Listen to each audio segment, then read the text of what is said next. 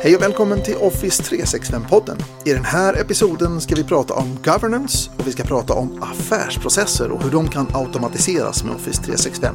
Och så blir det nyheter. Välkommen!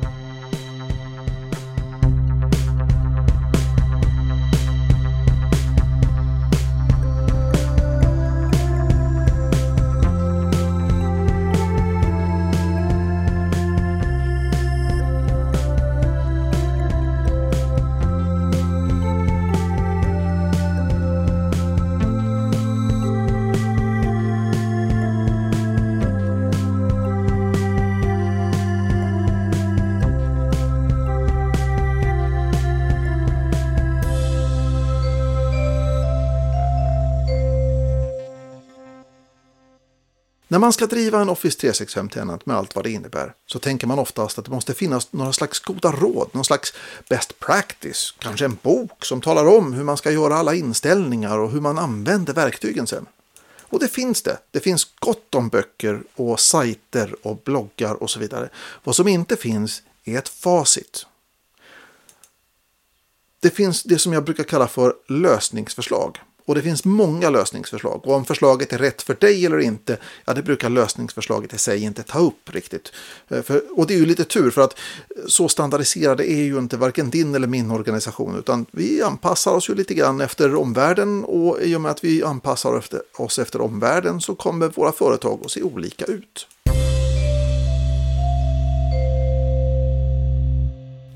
För att kunna ta beslut om hur Office 365 ska användas, ja, då måste vi kika på dels hur verksamheten ser ut och dels hur regelverk och lagstiftningar ser ut för den här typen av verksamhet. Och när vi har bra koll på det, ja, då kan vi börja skapa grundprinciperna bakom våra beslut.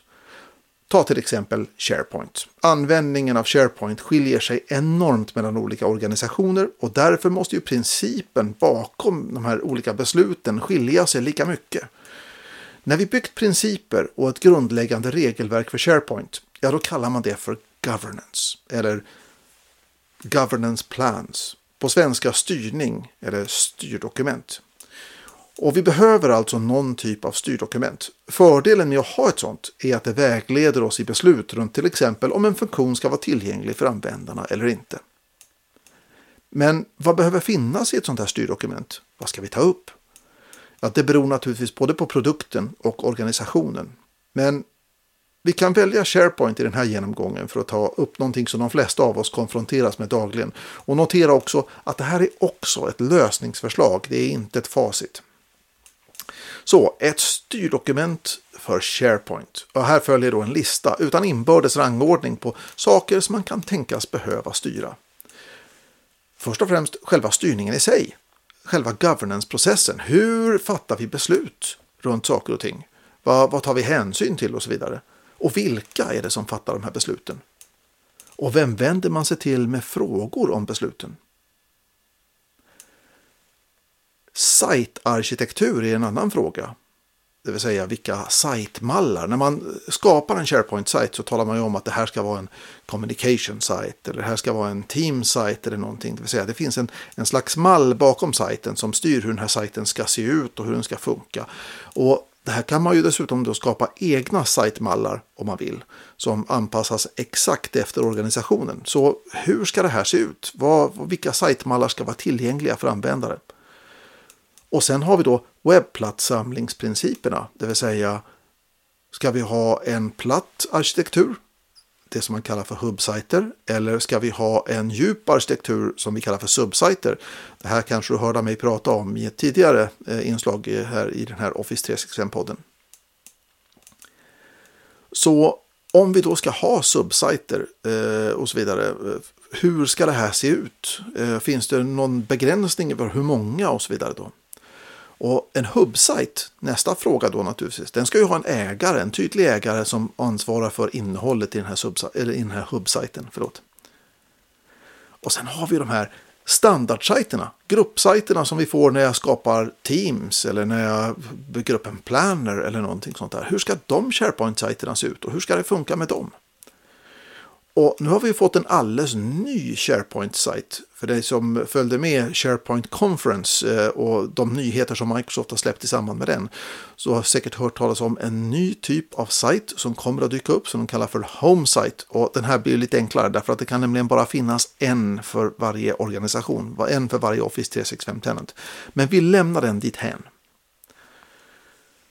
Nästa stora fråga som vi ska ta upp är ju hur navigationen ska se ut. Eh, hur ska länkar och så vidare se ut? Eh, vilka, vad ska vi länka till? Hur gör vi med länkar som är till för en specifik målgrupp där alla kanske inte har access? Och så vidare. Och ett närliggande grej, en närliggande huvudpunkt är ju branding och utseende. Vilka loggor ska vi använda oss av? Eh, finns det något speciellt färgval som är typiskt för organisationen? Har vi speciella sidmallar Eh, när vi skapar upp nyheter eller SharePoint-sidor eh, som är förskapade som vi ska använda oss av. För det kan man ju göra. Och sen naturligtvis kanske den viktigaste frågan, huruvida vi ska tillåta specialbranding. Specialbranding är ju typiskt sånt som vi kanske låter ett konsultföretag göra. Eh, det finns ett antal sådana som håller på med, med liksom branding och, och specialkustomisering av sajter och så vidare med egna webbparts och annat. Då. Så det kan finnas eh, liksom regler som vi bör fatta runt det här, eller beslut som vi bör fatta runt det här. Och då kommer vi in på nästa punkt som också är relaterad då, nämligen tredjepartsverktyg och integrationer. Eh, när vi pratar om tredjepartsverktyg, när vi skapar en sida till exempel så kan jag ju lägga olika såna här webbdelar eller webparts på de här eh, sidorna. Och ska vi bara använda oss av de som ingår, de som kommer ifrån Microsoft, som vi kanske är, litar på och de är betrodda och välkända? Eller ska vi tillåta eh, våra användare att köpa webbparts på stan?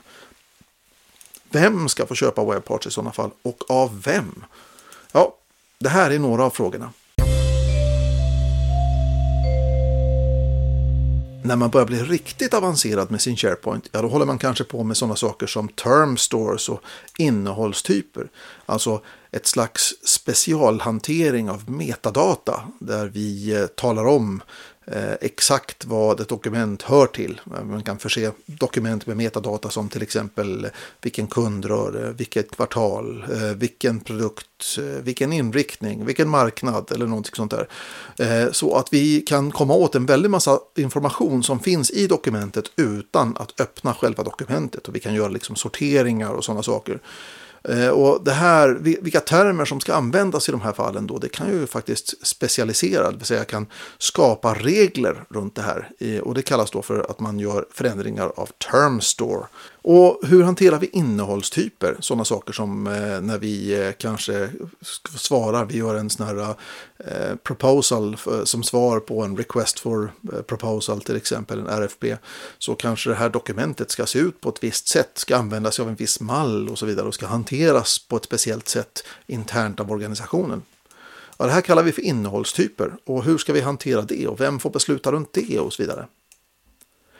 Nästa huvudpunkt har också att göra med affärsdata. Eh, då pratar vi till exempel om bevarande, sajter, innehåll. Eh, till exempel om eh, vi stöter på en sajt som ingen har använt på ett halvår. Är det okej okay att bara ta bort den då? Eller finns det ett regelverk som säger att den som äger en sajt måste själv anmäla att sajten ska tas bort och så vidare? Och finns det någon typ av eh, bestraffning eller någon typ av åtgärd eller någonting sånt där när folk inte följer reglerna runt sajter? Och samma sak gäller ju själva innehållet som finns på sajterna. Hur bevarar vi innehåll som kanske är affärskritiskt och så vidare när en sajt ska försvinna? Vart ska det innehållet ta vägen i sådana fall? Och när vi ändå är inne på det, ja då kommer vi på säkerhet och behörighet. Och då pratar vi om dels administrationsrollerna som rör SharePoint eller Office 365 generellt. Eh, vill säga, vem har rätt att administrera och vem har rätt att fatta stora övergripande beslut runt Office 365 och SharePoint specifikt. Eh, och sen så har vi naturligtvis standardsäkerheten i sajterna. De tre standardgrupperna som man säger ägare, medlem och besökare. Hur ska vi hantera dem på våra SharePoint-sajter? Ska vi använda oss av dem eller ska vi alltid ha custom, alltså specialgrupper?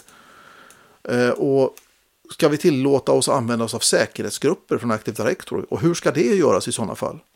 Och ska vi tillåta egna behörighetsmodeller och avstängda arv och sådana saker?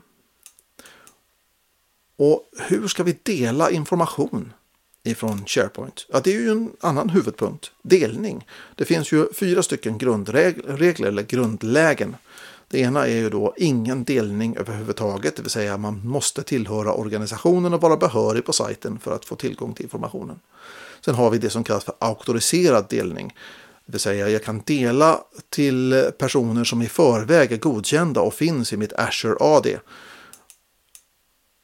Sen har vi det som vi kallar för autentiserad delning, det vill säga jag kan dela externt utanför organisationen och jag kan besluta själv vem som får, men de måste logga in. Det måste vara en autentiserad eh, delning. Och den sista varianten är ju det som man kallar för anonyma länkar eller anonym delning. Det är samma sak som om jag hade haft en, lagt ut saker och ting på webben eller om jag mejlar ut det till någon och så vidare. Det är ju så att eh, jag vet ju inte vad som händer med det här datat sen så att det är ju en anonym delning det. Så hur ska vi göra det? Ja, det finns många saker och nästan hur många saker till som helst som man kan fatta beslut om eller som man åtminstone kan bygga upp principer runt. Gregory Selfond driver sajten sharepointmaven.com och han har skrivit ihop en riktigt bra grund för ett sånt här styrdokument. Och det kan du hitta på adressen varnolf.link styrdokument. Microsoft släpper nu stödet för Android 4.x och Android 5.x, också kända som KitKat och Lollipop. Och vad det betyder är att inga fler uppdateringar av Office-appar kommer att komma ut för eh, de äldre versionerna av Android helt enkelt. Eh, om du har Outlook installerad på din äldre Android-mobil så kommer det att fortsätta att fungera fram till årsskiftet, alltså till den 31 december 2019. Nu får vi läskvitton i Teams i konversationerna. Ja, ni vet, ungefär som när man skickar ett sms eller motsvarande och man ser en bekräftelse på att det har kommit fram och eh, kanske till och med att det är läst. Ja, det här kommer vi att få nu i Teams också. Och som administratör så kan du ställa det här i tre stycken lägen. Det första läget är att användaren bestämmer själv huruvida han vill se läskvitton eller inte och skicka naturligtvis. Eh, och det här är defaultinställningen och defaultinställningen för användaren i det här läget är att det är på. Så om du vill ha läskvitton så behöver du inte göra ett smack, det kommer att fungera automatiskt. Men som admin kan du också tvinga på det här och sätta att det är på för alla. Eller du kan också tvinga det av, det vill säga stänga av det för samtliga användare i din organisation.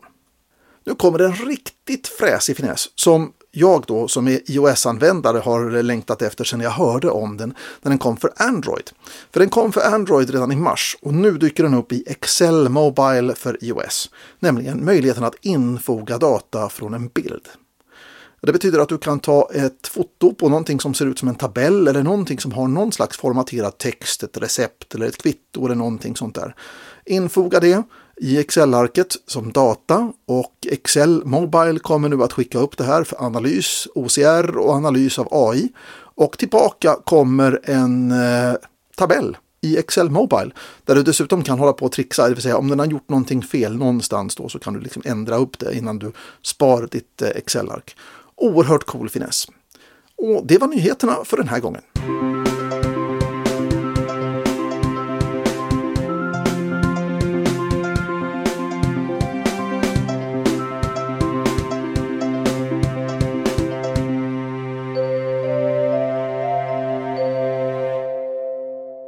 Så du har Office 365?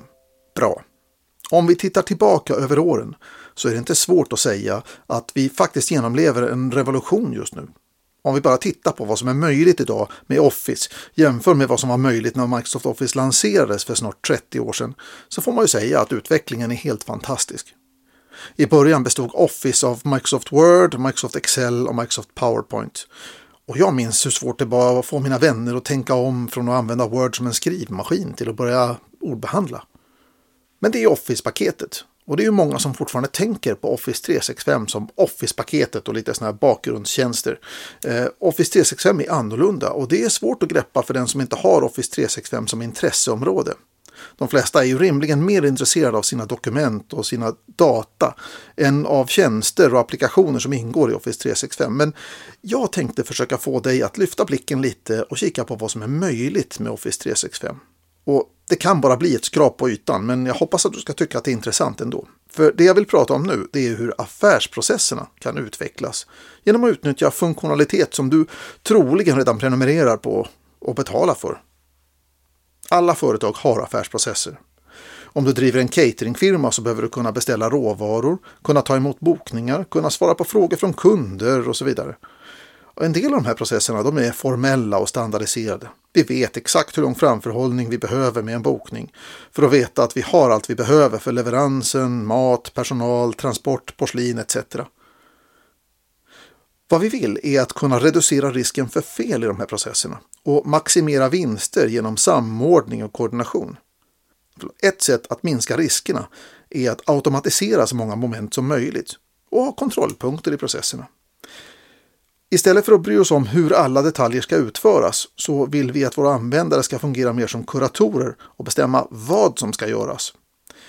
Ja, på en cateringfirma så finns det naturligtvis en hel del manuellt arbete. Borden dukar ju inte sig själva, men du förstår vad jag menar.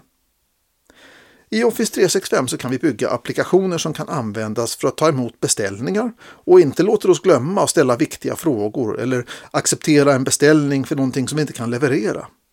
Med Power Apps och Flow som är två komponenter i Office 365 så kan vi bygga formulär för att ta upp beställning och flöden som hanterar beställningen genom att boka personal och porslin och så vidare. Och när allt är klart så kan flödet avsluta med att bekräfta för kunden att allt är i ordning. Och vill man kan man naturligtvis låta en människa undersöka att processen är klar och själv bekräfta för kunden. Som i alla sådana här lösningar så är det smart att låta processen präglas lite av verktyget och att anpassa verktyget efter affärsbehoven.